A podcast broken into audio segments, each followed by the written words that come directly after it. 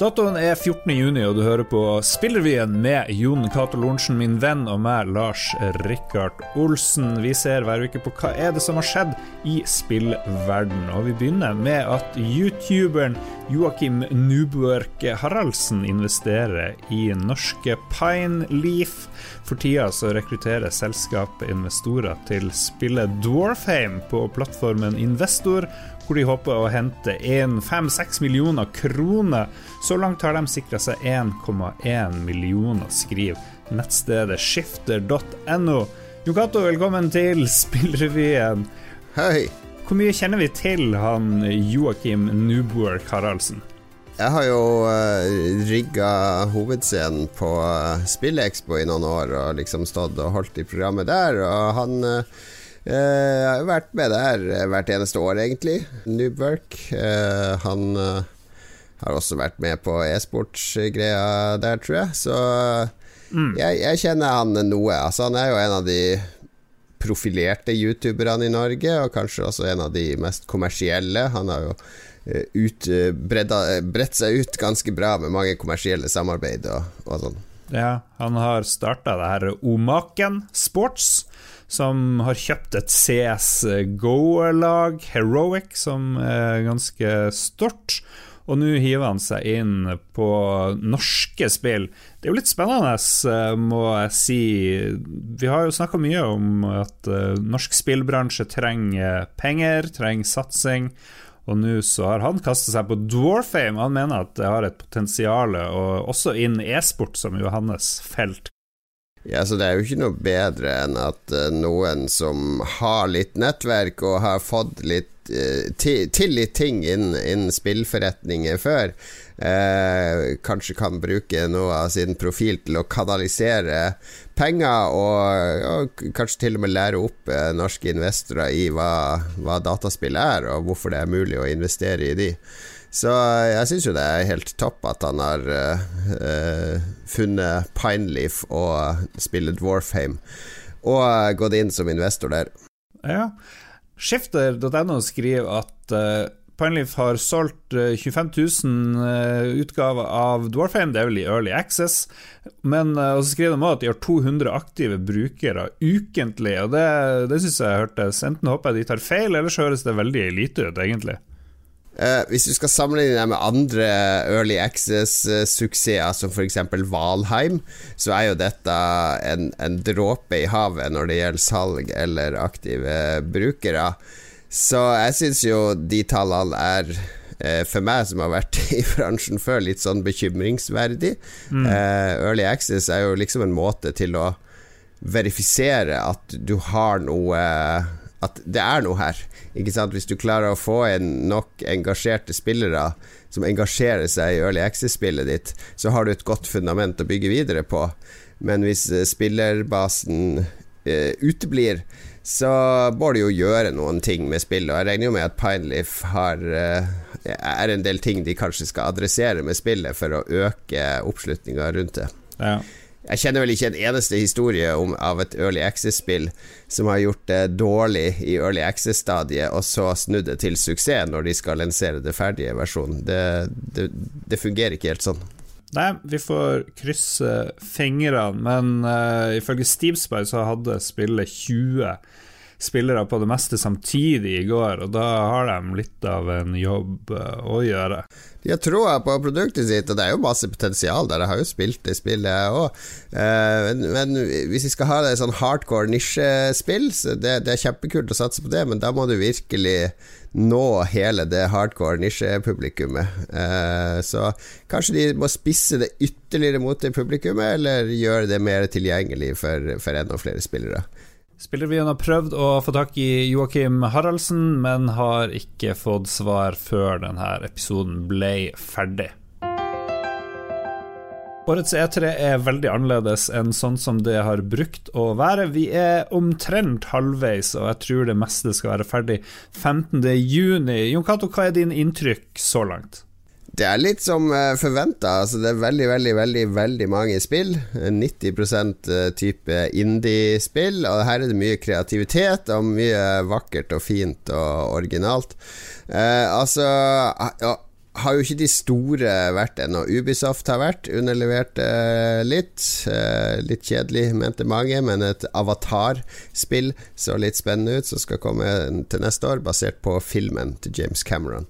Ja. Eh, som vel også skal bli flere filmer, hvis jeg har skjønt riktig. Jeg tror du har skjønt riktig, og så fikk vi se første glimt av Elden Ring. Det er jo mange interessert i. Det var liksom høydepunktet på åpningsdagen til Jeff Keeley. Der fikk vi se sjenerøst mye fra Elden Rung. Vi fikk vel bevist at det, det, ligger i landskapet til Dark Souls eh, ganske bra, men kanskje litt sånn åpen verden og mer eh, samarbeidsmuligheter med andre spillere. Ja. Når vi spiller inn det her, så har det ikke vært f.eks. Microsoft har ikke vært, Betesta har ikke vært der med i lag. Hvis noen mener at dere skulle snakka mye mer om etere, så det er så mye etere-nyheter hvis du går på gamer.no, pressfire.no, gamereactor, uh, level up Altså, alle har etere-fokus, og vi har en svær oppsummering av etere i ukas episode av Lolbua, som kommer på onsdag, der vi får med de siste konferansene òg. Så det er nok av steder å få etere-nyheter. På E3 i år kan ikke si jeg har sett så mye fra Norge. Der har det vært litt skuffende. En del indies og store spill fra Sverige er med. Ja, jeg har holdt øynene oppe i de indie-greiene som har vært. Guerrilla Collective og Wholesome Games hadde jo veldig mange spill. Jeg har ikke sett noe fra Norge, jeg heller. Ikke noe som jeg klarte å identifisere som er uh, fra et norsk studio. Som er litt kjedelig, syns jeg. Uh, samtidig så er det veldig høy kvalitet på mye av de indie-greiene som vises frem, så jeg, jeg, vil jo si at norske studioer kan hevde seg blant mye av det som er der, men ja. kanskje har ikke timinga vært riktig.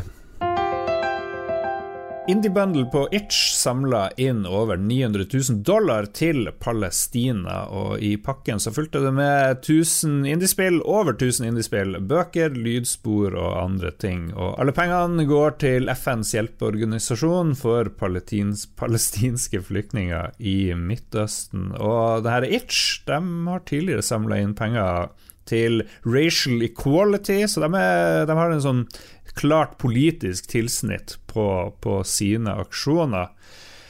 Altså, det er jo veldedighet alt sammen, og det er jo til gode saker. Det er jo veldig vanskelig å si at uh, det å samle inn til uh, å bekjempe rasisme er, er en politisk betent sak.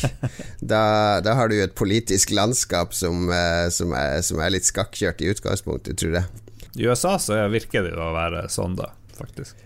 Det er polarisert uh, støy rundt det her som gjør det veldig vanskelig å ha debatter eller uh, tenke eller ha frie diskusjoner om disse temaene, fordi de, de blir veldig kuppa av eh, Kanskje spesielt høyresida er ekstremt hissige på å kuppe sånne debatter, og det, det er litt vondt å, mm. å, se, rett og slett.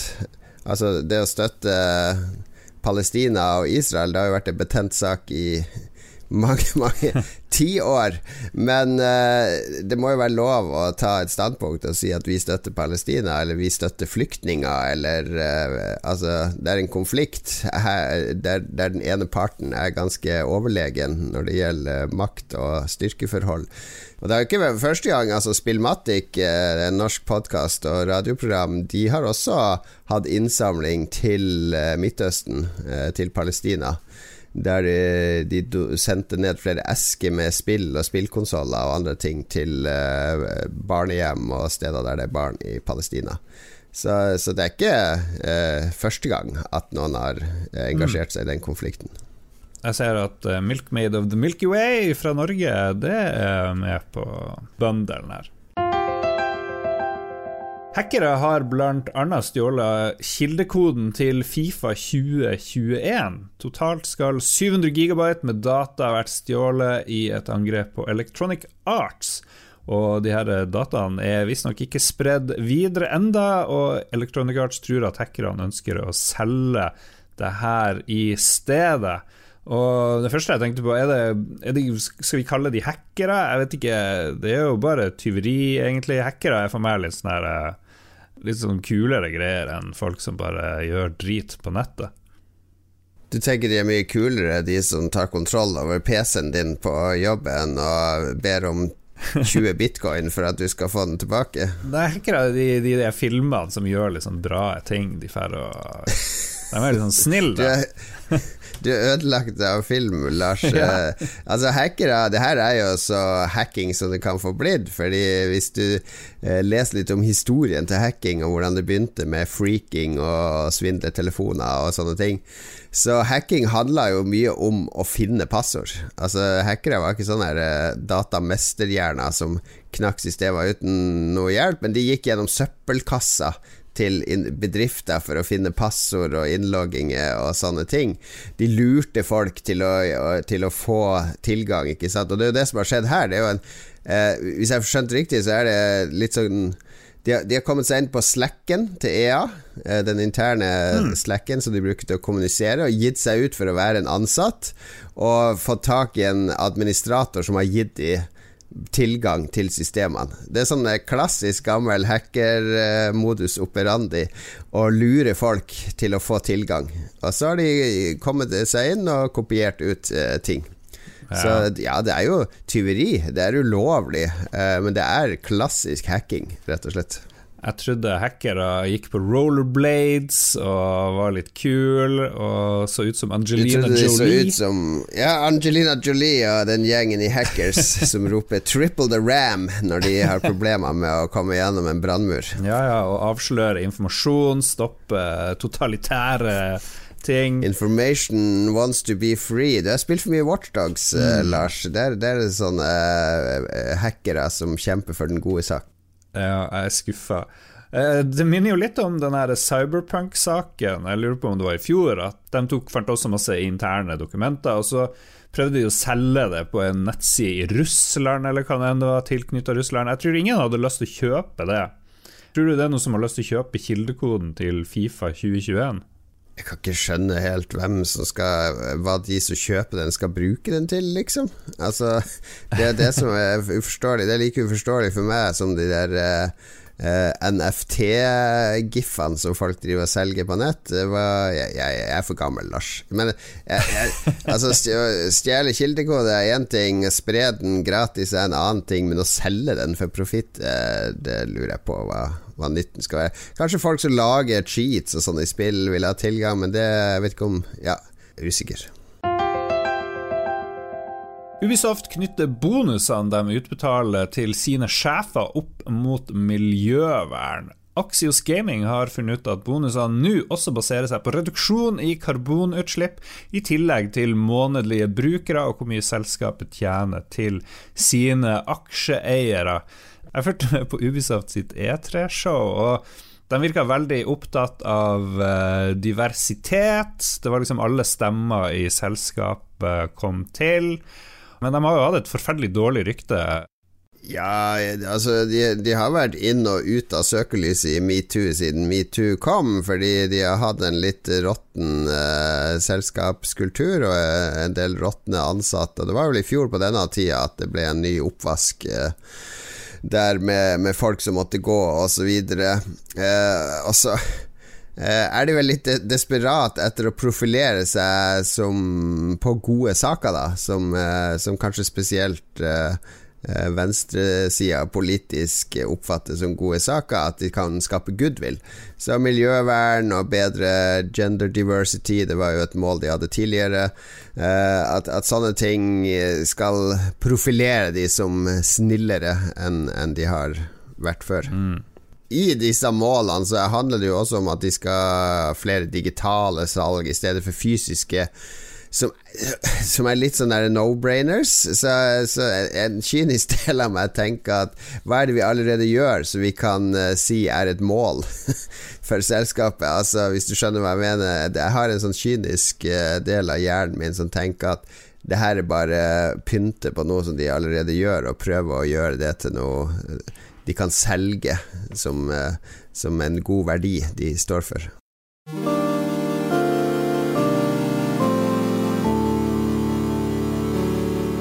En, en, siste nyhet som jeg ikke har tatt med i sendeskjemaet, men som jeg, som jeg leste om nå rett før vi skulle på lufta, er jo at uh, Yuji Naka, uh, en veldig profilert japansk spillutvikler Han er jo pappaen til Sonic var jo sjef for Sonic Team i, i mange år. Han begynte i Square Enix for noen år siden og lagde der et spill som heter Balan Wonderworld. Det husker du vel godt, uh, Lars? Det, du elska det spillet? har ikke jeg hørt om det engang. Nettopp. Han har nå forlatt Square Enix igjen, stakkars Yuji Naka. Han uh, han har vel aldri helt klart, klart å hevde seg etter uh, suksessen med Sonic. Uh, han hadde en del kule suksesser etter Sonic òg, som Nights og Burning Rangers på 90-tallet, og ikke minst Fantasy Star Online, som på en måte var en forløper til Destiny og online-spilling på konsoll. Så han var on fire gjennom 90-tallet, og så falt han egentlig helt uh, av lasset. Så han har vært irrelevant i mange år. Det er litt trist. Uh, jeg er ikke mm. noen stor Sonic-fan, men at han nå er ferdig i uh, Square Enix jeg vet ikke hva han skal gjøre. Mange sånne japanske utviklere er veldig knytta til én sjanger. Ikke sant? Du har Final Fantasy-skaperen som egentlig har laga den type rollespill hele livet. Mange japanere er veldig eksperter innenfor et lite område innen spillutvikling. Og Yuji Naka har prøvd å få til nye ting uten å lykkes, og det er litt trist spillet Barland Wonderworld solgte mindre enn 2100 kopier da det kom ut i Japan. Så det var en stor flopp. Så nå sier han jo at han vurderer å pensjonere seg. Jeg håper han har tjent nok opp gjennom livet. Sant? Ja, og han sier jeg er allerede 55 år gammel, og det er jo ingen alder hvis vi ser på Kojima og andre i bransjen. Så, så det, er litt, det, er litt, trist at han ser for seg å, å pensjonere seg. Men har han mista gløden og evnen til å lage gode spill, så ja, ja. All right. På tampen av hver episode av Spillerevyen så ser vi på spillene som skal komme denne uka her, og her er det glissent. Kan godt hende at uh, Microsoft har uh, surprise-launcha nå, men uh, hvis du mangler nye spill å spille, så er det en rekke demoer som kan lastes ned denne uka, både på Xbox GamePass og på Steam, av spill som har blitt vist frem nå de siste dagene på det som har erstatta E3. Da er vi ferdige, og vi takker Pressfire, som er vår samarbeidspartner. Du kan høre på Lolbua på onsdag for absolutt alle E3-nyheter som vi syns er spennende. Inntil da så får du et godt råd fra Jon Cato på hva du skal finne på de neste syv dagene til vi er tilbake.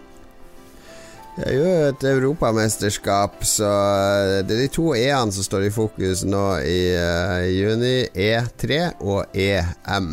Uh, den, den enslige E-en den anbefaler at du styrer unna. Den er ikke bra for deg.